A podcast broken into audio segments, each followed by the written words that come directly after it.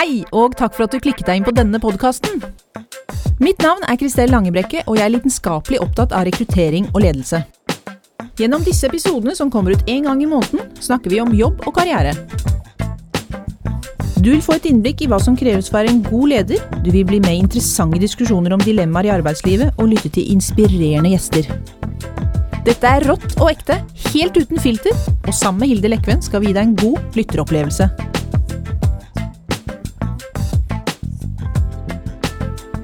Hei og velkommen til podkastserien Uten filter.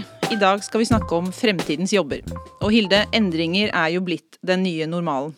Og da tenker jeg på at arbeidsplasser blir borte, og nye oppstår. Og ikke minst nye bransjer og tjenester skapes, så, som igjen uh, gir nye krav til både kompetanse og kontinuerlig læring. Så det jeg er nysgjerrig på, er hvordan dagens arbeidsgivere kan hjelpe de ansatte med omskolering og etterutdannelse, for å sikre den kompetansen som trengs i fremtiden. Ja, Kristel. Og jeg lurer litt på hvordan dagens studenter eh, best kan forberede seg til fremtidens arbeidsplasser. Og hvordan de kan unngå å utdanne seg til et yrke som kanskje blir avleggs om noen år. Hvilken utdanning skal de egentlig velge, og hva burde de absolutt ikke velge? Eh, et annet interessant spørsmål som vi eh, gjerne vil ha svar på i dag, det er jo om skolesystemet klarer å følge med Klarer de å tilpasse seg de endrede behovene i næringslivet?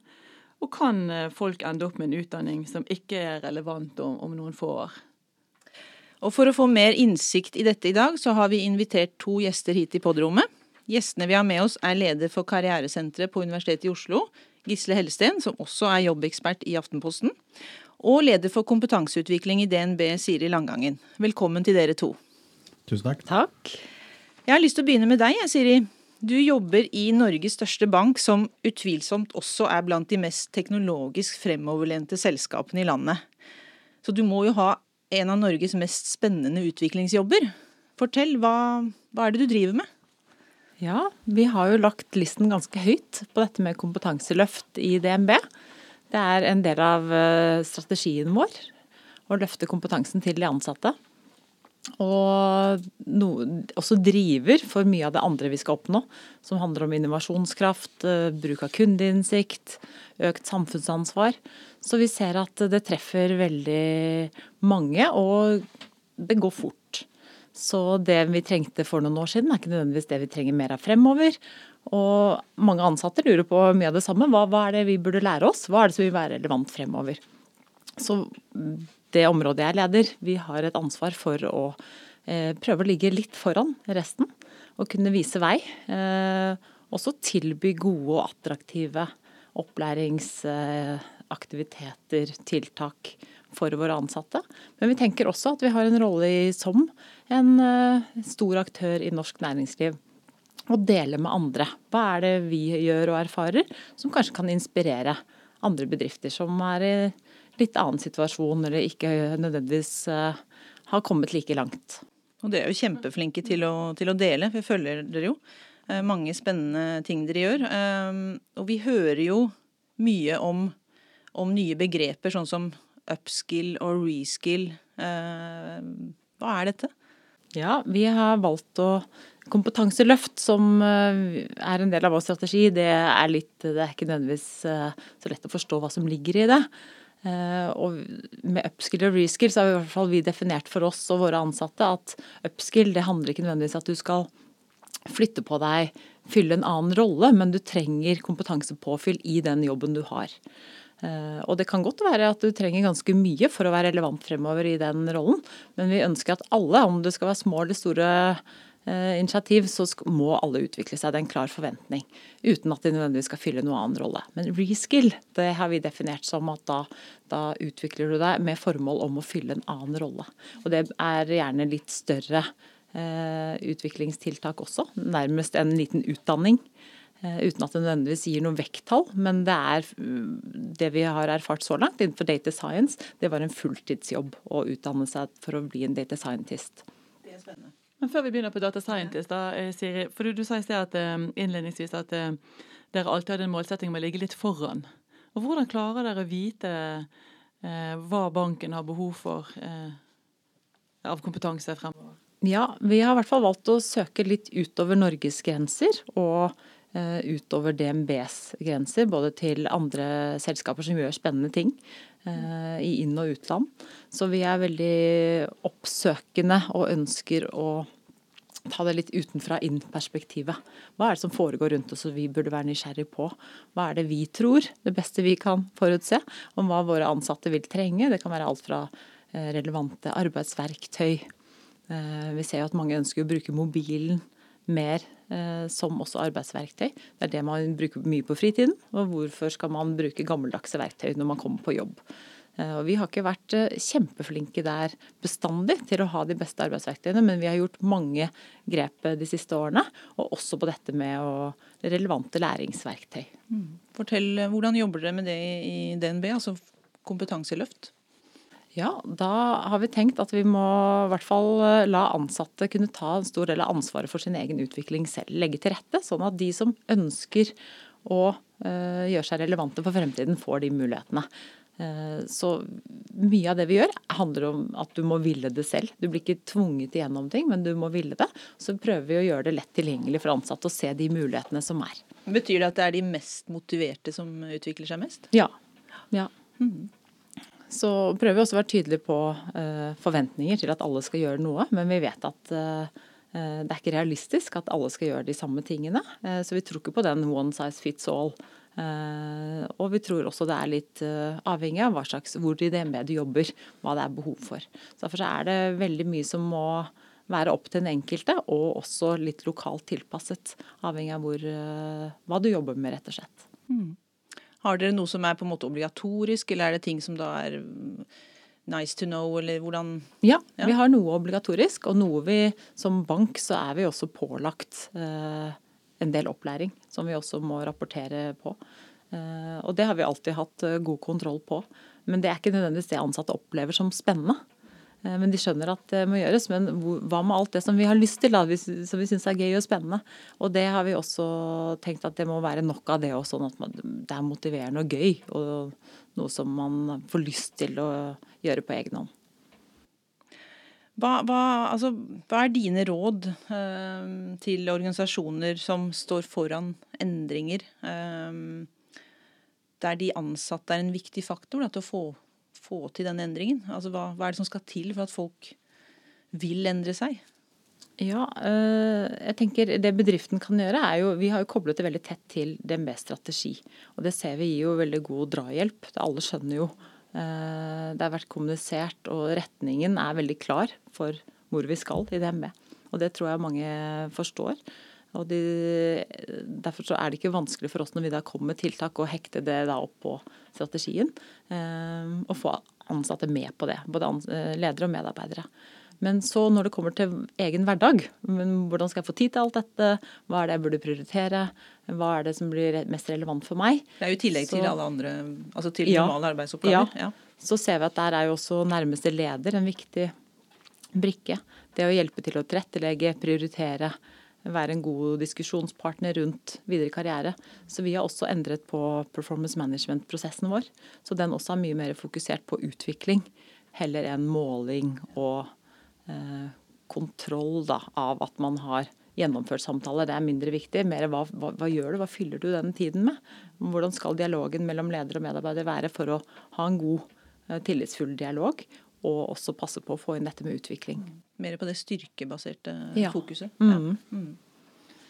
Men dere har jo bevist at det er, van, at det er mulig å konvertere altså vanlige dødelige bankfolk da, til data scientists. Uh, hva er en datascientist? Hva gjør de? Uh, de jobber jo med å fremskaffe innsikt, men også det å la, de lager modellene som andre bruker for å gjøre analyser av store mengder data. Så det er en uh, ganske tung utdanning og, krevende å skulle fylle en data scientist rolle. Og våre internutdannede data scientists de er ikke helt i mål gjennom det opplegget vi hadde, men de er veldig langt på vei. De forstår hva rollen eh, i mye større grad skal innebære, og kan være med å forme det sammen med eh, de data scientistene vi hadde fra før av. Så vi så at eh, det er mulig å gjøre ganske store kompetanseskift relativt kort tid, bare forutsetningene er til stede og du er motivert selv. Så dette var ingen åtte til fire-jobb. Det var ikke noe bare å møte opp, sitte og bli, få et påfyll. Det krevde veldig mye av de som gikk inn i dette, så derfor så var det en rekrutteringsprosess i forkant, for å, fordi nettopp motivasjonen var så viktig. Og at du hadde visse forhåndskunnskaper og forsto nok om hva ville, hva som ville kreve deg for å fylle denne rollen til syvende og sist. Hva var grunnen til at dere ikke gikk ut og rekrutterte si, nye data sciences, eller utenifra? Ja, det, Vi er ikke alene om å ønske den kompetansen, så det var ganske hard konkurranse. Og det utdannes ikke veldig mange hvert år heller. Så vi så da måtte vi kjempe veldig i det åpne markedet med alle andre som ønsket den samme kompetansen. Og vi så da, da ville ikke det være så mange vi ville få tak i hvert år. Så for å få litt fortgang, for vi så det var en kritisk kompetanse for oss, så tenkte vi da må vi prøve noe annet. Ja. Eh, hva med å eh, gjøre dette selv? Mm.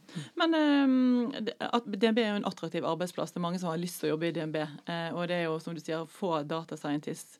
Hva, hvilke, hvilke, andre eh, nye jobber skapes i DNB? Altså, de som ikke er data scientists, finnes det andre jobbtilbud i, i DNB?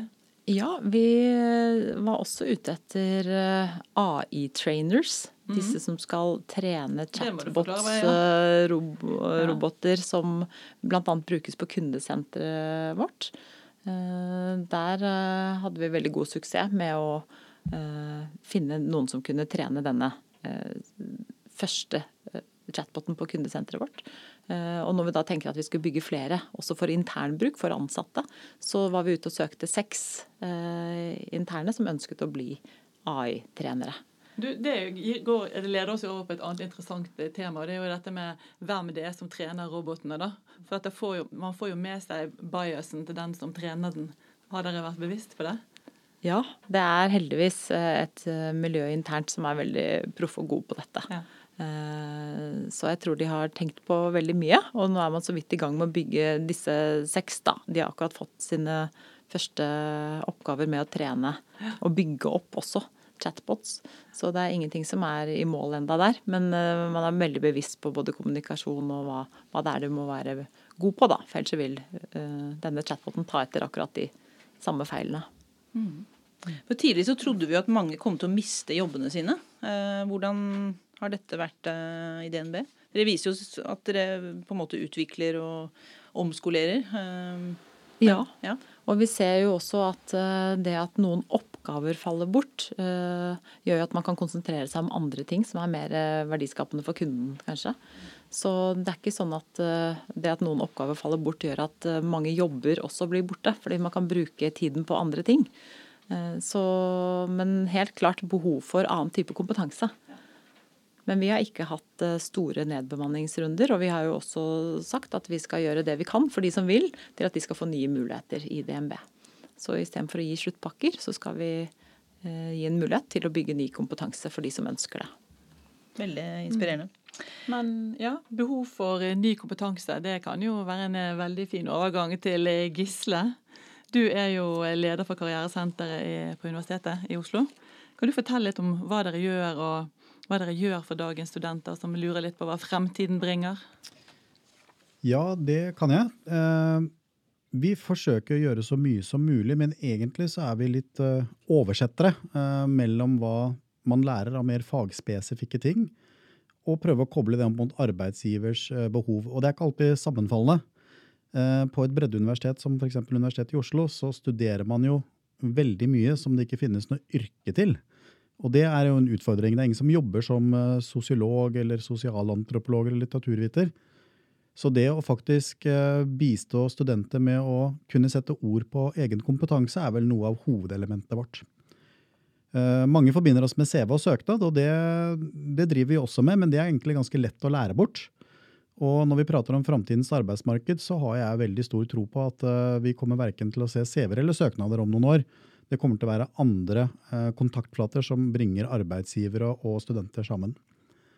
Men det å rett og slett uh, være med og vise litt vei på hvilke muligheter som finnes, uh, er det det vi gjør mye av.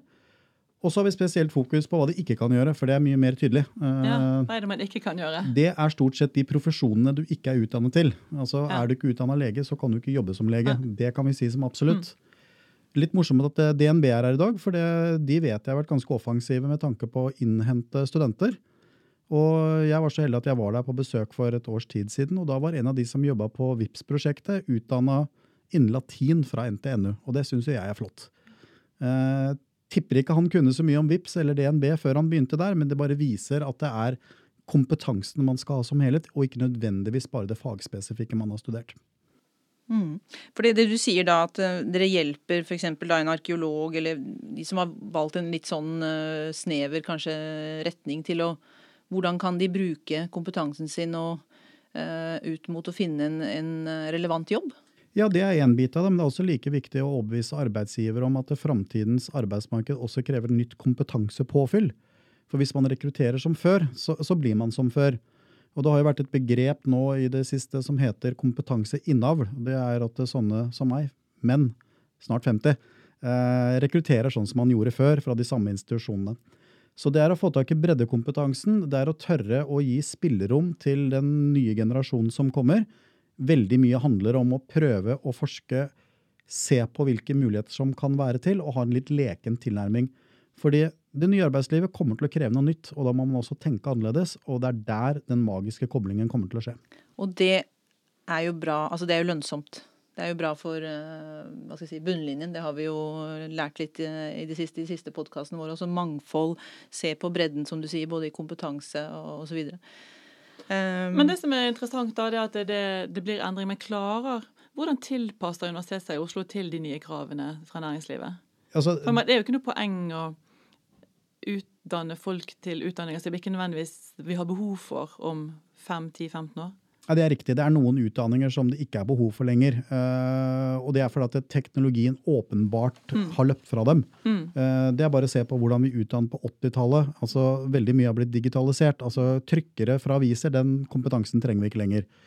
Men det betyr ikke at vi skal være altfor opptatt av at arbeidsliv og universitet skal være én felles enhet. Det som er kraften, det er å dyrke det som universitet- og høyskolesektoren gjør, altså grunnforskningen, søkende til ny kunnskap, fokus på hva som kommer til å skje, og så være i meget god dialog med arbeidslivet for å koble noe sammen.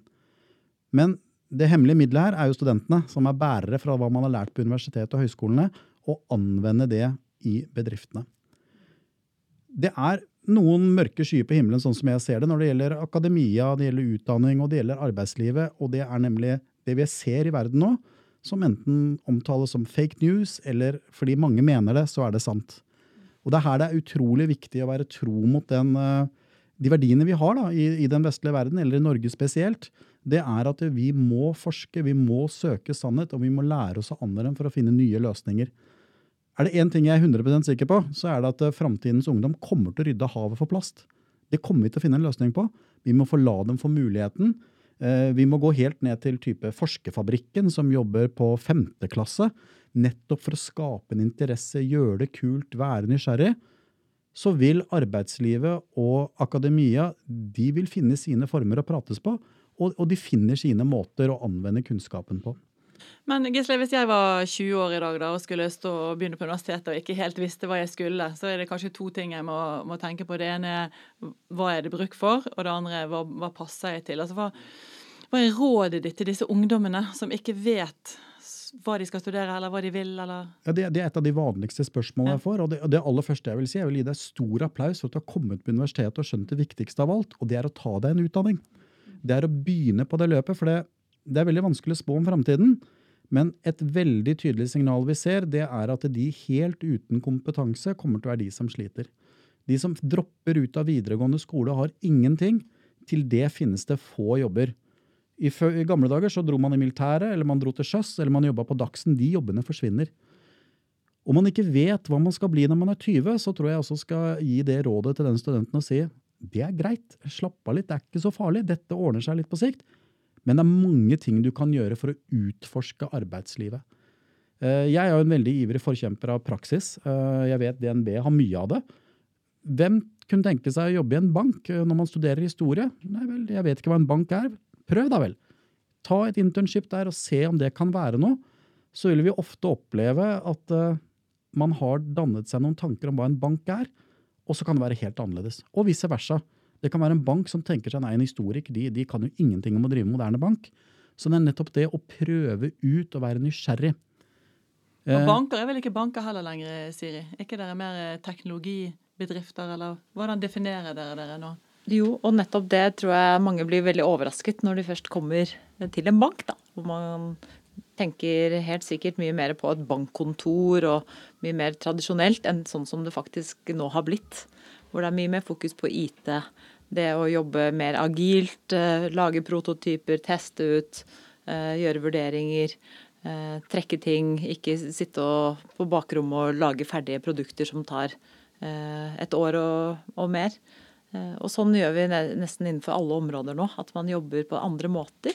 Og det tror jeg mange studenter kanskje ikke kjenner godt nok til. Da. Så vi ser at sånn som summer internships er veldig populært. Og det er klart at det å bruke en sommer på å få reell erfaring fra både eh, store arbeidsplasser eh, som man kan tenke seg å jobbe for senere, eller bare rett og slett gjøre seg noen erfaringer som er nyttige siden, da. Det, det, er det, mange, det er veldig populært, og det er, er veldig nyttig for oss også. Og nettopp fordi at noen med en helt annen type bakgrunn og utdanning kan vi også få øhm, opp øynene for at det kan være relevant å tilføre DNB noe. Så det er en vinn-vinn øh, for veldig mange. Men har dere begynt med disse fancy nye titlene som eh, Passion Ambassadors og DNA Agents og For det er et eller annet med at eh, det kommer hva, hva vi Hva blir vi i fremtiden? Det kommer så mange nye titler og nye, nye typer jobber. Jeg kjente ikke igjen akkurat de du nevnte der, men Passion, øh, passion det er vel, eh, de jobber vel med utvikling av kultur og nei, vi har HR og Ja, HR er nå people i DNB. Eh, ikke så fancy og vanskelig å forstå. Men det er nok ønske om å kalle noe litt annet hvis, man legger, hvis jobbene har endret seg i forhold til fokus, og hva det er eh, At man ønsker å, å skifte litt fokus, da. Men nei, eh, det finnes sikkert noen fancy titler, men jeg har ikke fanget opp noen som Det er ikke helt der, nei. Nei, Nei. ikke helt der. CDO, for eksempel, det fantes jo ikke for kanskje fem, seks eller ti år siden i hvert fall. Da var det vel mer CIO eller ja. I gamle dager hadde vi ikke HR heller, da hadde vi personalavdeling. ja. Det, det, det er en jungel der ute, Ja. og jeg vet jo ikke engang hva slags yrke jeg selv har. Altså, det vet jeg ikke hva man kaller det. Eh, Og det er ikke så farlig. Det er stillingens innhold som er viktig. Altså Hva slags oppgaver er du satt til å løse? Om du kaller det det ene fancy eller litt mer traurig et annet sted. Altså Halvparten som jobber i staten, er førstekonsulenter. Og hvis noen kan forklare meg hva det er, så blir jeg imponert. For det er jo alt mulig rart. Men, men det er jo nettopp det at man går inn i framtiden med en nysgjerrighet, eh, og ikke låste paradigmer som sier at det, sånn har vi gjort det, sånn kommer vi til å gjøre det. Og det er fascinerende å lese f.eks. Forbes eh, 500 og se hvordan bedriftene der endrer seg radikalt. Det er ekstremt få som klarer å være der over lang tid. Eh, På 80-tallet og 90-tallet så var det petroleumsindustrien som hadde vel omtrent alle plassene, og nå er det vel bare teknologiselskapene som er der. Og det viser seg at eh, vi må snu oss, vi må evne oss å rett og slett tenke nytt for å henge med. Eh, Og det er nettopp det man kanskje lærer på et universitet. Det er å tenke nytt, det er å være kritisk til det som skjer rundt deg. Men den aller viktigste egenskapen er evnen til å kunne stille spørsmål. Og det vil enhver bedrift være, være helt avhengig av. Og når du kobler det sammen med fagkompetansen de har, så begynner dette her å bli veldig bra. Hvor tett jobber dere opp mot eh, næringslivet? Ja, Vi jobber relativt tett opp med dem. Eh, Vi har gode relasjoner til de fleste HR-avdelinger, eller people-avdelinger, eller personalavdelinger, eller hva man skal kalle det. Eh, Men det er klart det at eh, her er det en gjensidighet. Altså Vi er, ønsker å promotere våre studenter og bygge deres brand. Eh, Så ønsker vi å være helt konkrete på stillinger, og det samme vil næringslivet også. Det er en stor, viktig del av bedriftene er å være til stede og synlige for å vise mulighetene. Eh, Så vår jobb er jo absolutt å åpne opp eh, for næringsliv på Universitetet i Oslo. Og kanskje spesielt få studenter som ikke trodde i ville verden at de kunne jobbe der, at det faktisk er mulig. Eh, Jeg har eh, gjort litt eh, research, og ifølge rapporten 'Nye jobber i Norge foran den digitale revolusjonen', som er utarbeidet på vegne av NHO, så vil automatisering prege fremtidens arbeidsplasser. Og det er jo ikke noe nytt. Men de estimerer at mellom 2009 og 2014 så mistet Norge mellom 7 og 9 av alle jobber pga. automatisering. Og så sier de at dersom denne trenden fortsetter, så vil omtrent 35% av dagens jobber forsvinne i løpet av en 20-årsperiode. Hva tenker dere om eh, disse tallene? Vet du hva, Da har jeg lyst til å gå tilbake til slutten av 1700-tallet. Det var den første industrielle revolusjonen hvor de samme tankene kom. Nå kommer teknologien og tar jobbene våre. Og da var det en god del eh, mennesker som gikk rundt og tente på spinneriene. Fordi da ville ikke kvinnene lenger kunne sitte hjemme og sy. Så det er for all del la oss få bort disse spinneriene. Sånn er det nå også. Eh, den rapporten sier kanskje ikke like mye om hvor mange nye jobber som kommer til å skapes. Eh, den sier kanskje ikke like mye om at eh, det er de repeterende, gjerne forurensende jobbene som vil forsvinne, og det som er monotont. Det som jeg eh, også lener meg på når vi skal prate om framtidens arbeidsmarked, det er at vi kanskje i større grad kommer til å mangle kompetanse. Vi kommer til å mangle eh, dyktige mennesker som skal faktisk ha dette eminent viktige samspillet mellom teknologi, digitalisering og mennesker. For de som frykter teknologien, de er jo redd for at vi skal gå tilbake til omtrent uh, ja, Skynet fra Terminator, og at de kommer og tar oss. Uh, men det kommer ikke til å skje. Det som kommer til å skje, er at menneskene skal styre denne utviklingen. og Da trenger vi kompetente mennesker. Og de stillingene er ikke definert ennå. De kommer til å bli definert. Her trenger vi alt vi kan få. Mm. For det de sier da, når, når um, du sier at i den industrielle revolusjonen så var jo kvinnene redde for at uh, de kanskje ikke hadde jobber, men uh, på topplisten over fremtidsjobbene, da, ifølge den rapporten, så er det jo de varme hender-jobbene. Uh, altså typisk barnehage, skole, omsorgsyrker. Eldrebørgen som kommer. Um, og så er det jo i stor grad datafolk, som vi har snakket om, og ingeniører og lederjobber.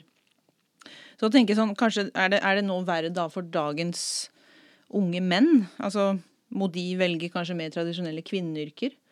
Eh, for det er jo der behovet vil være.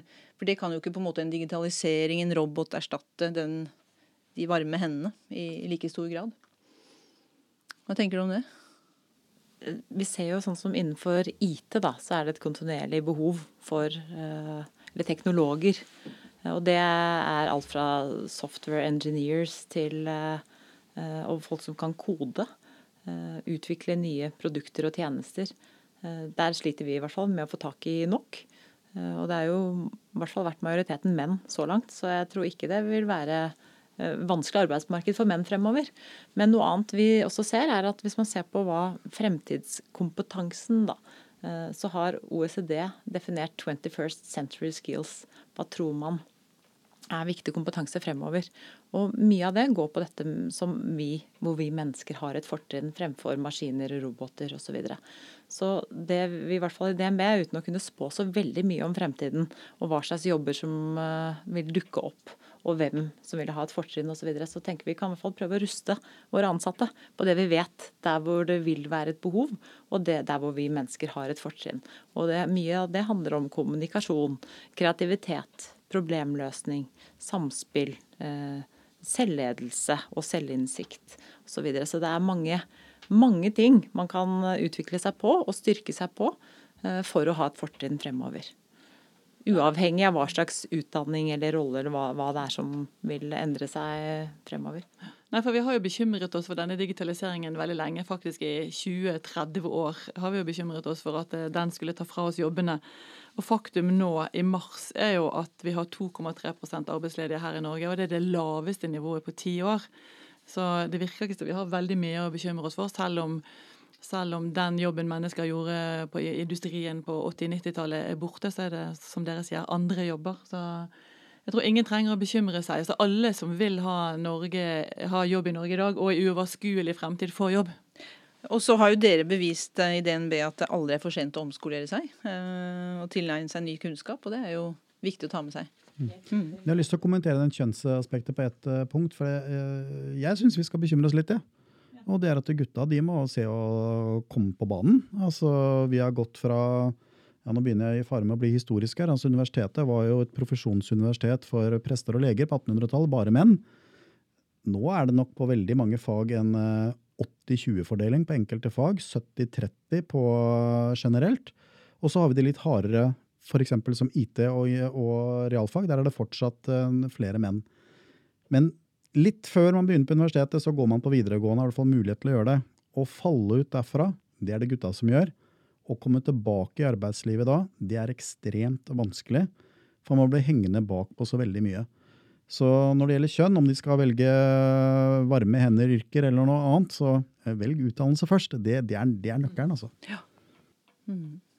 Enig, det, det, er utrolig viktig. Og som du sier, altså jentene er jo på en måte De ligger jo litt foran. De er litt gjerne et år foran i modenhet på skolen, ikke sant. Eh, realfag osv. Så, videre. så Så det, det er viktig.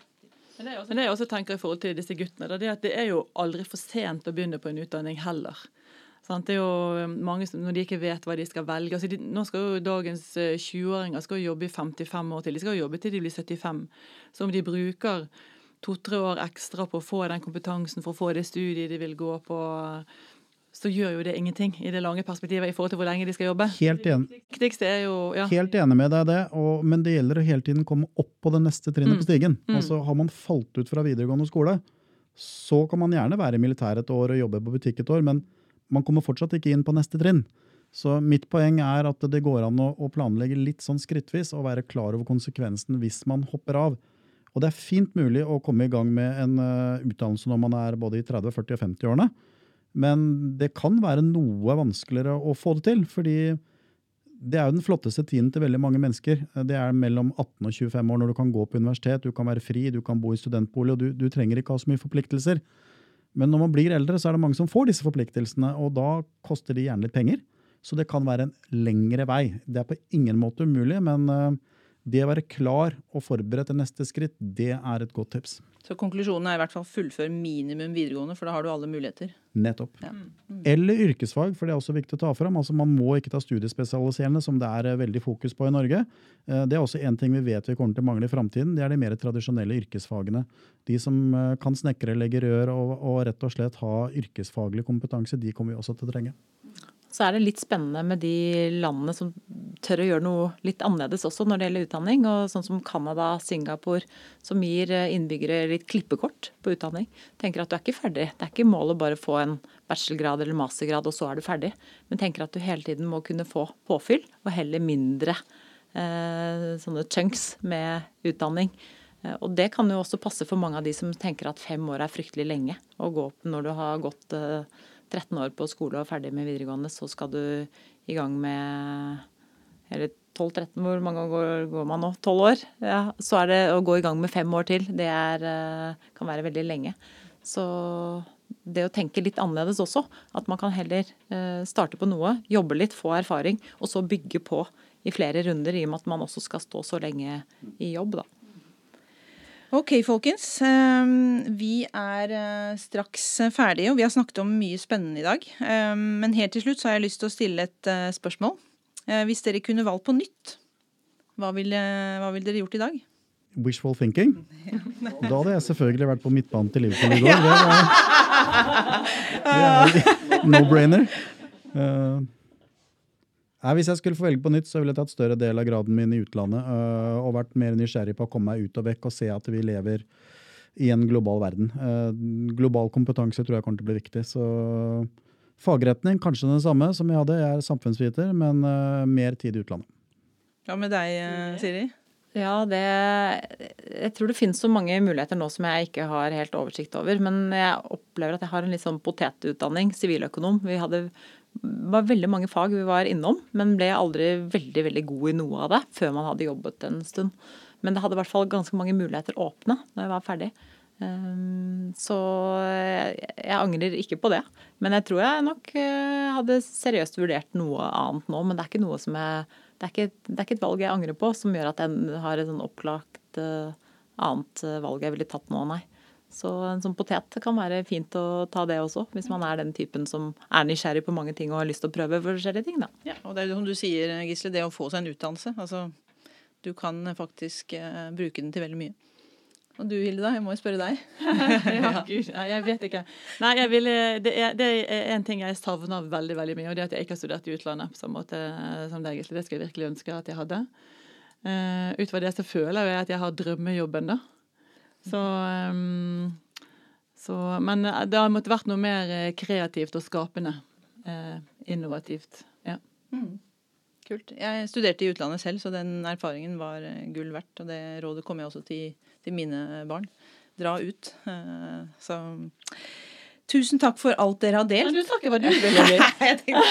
Du, nei, du kommer ikke unna. Du, du må også dele.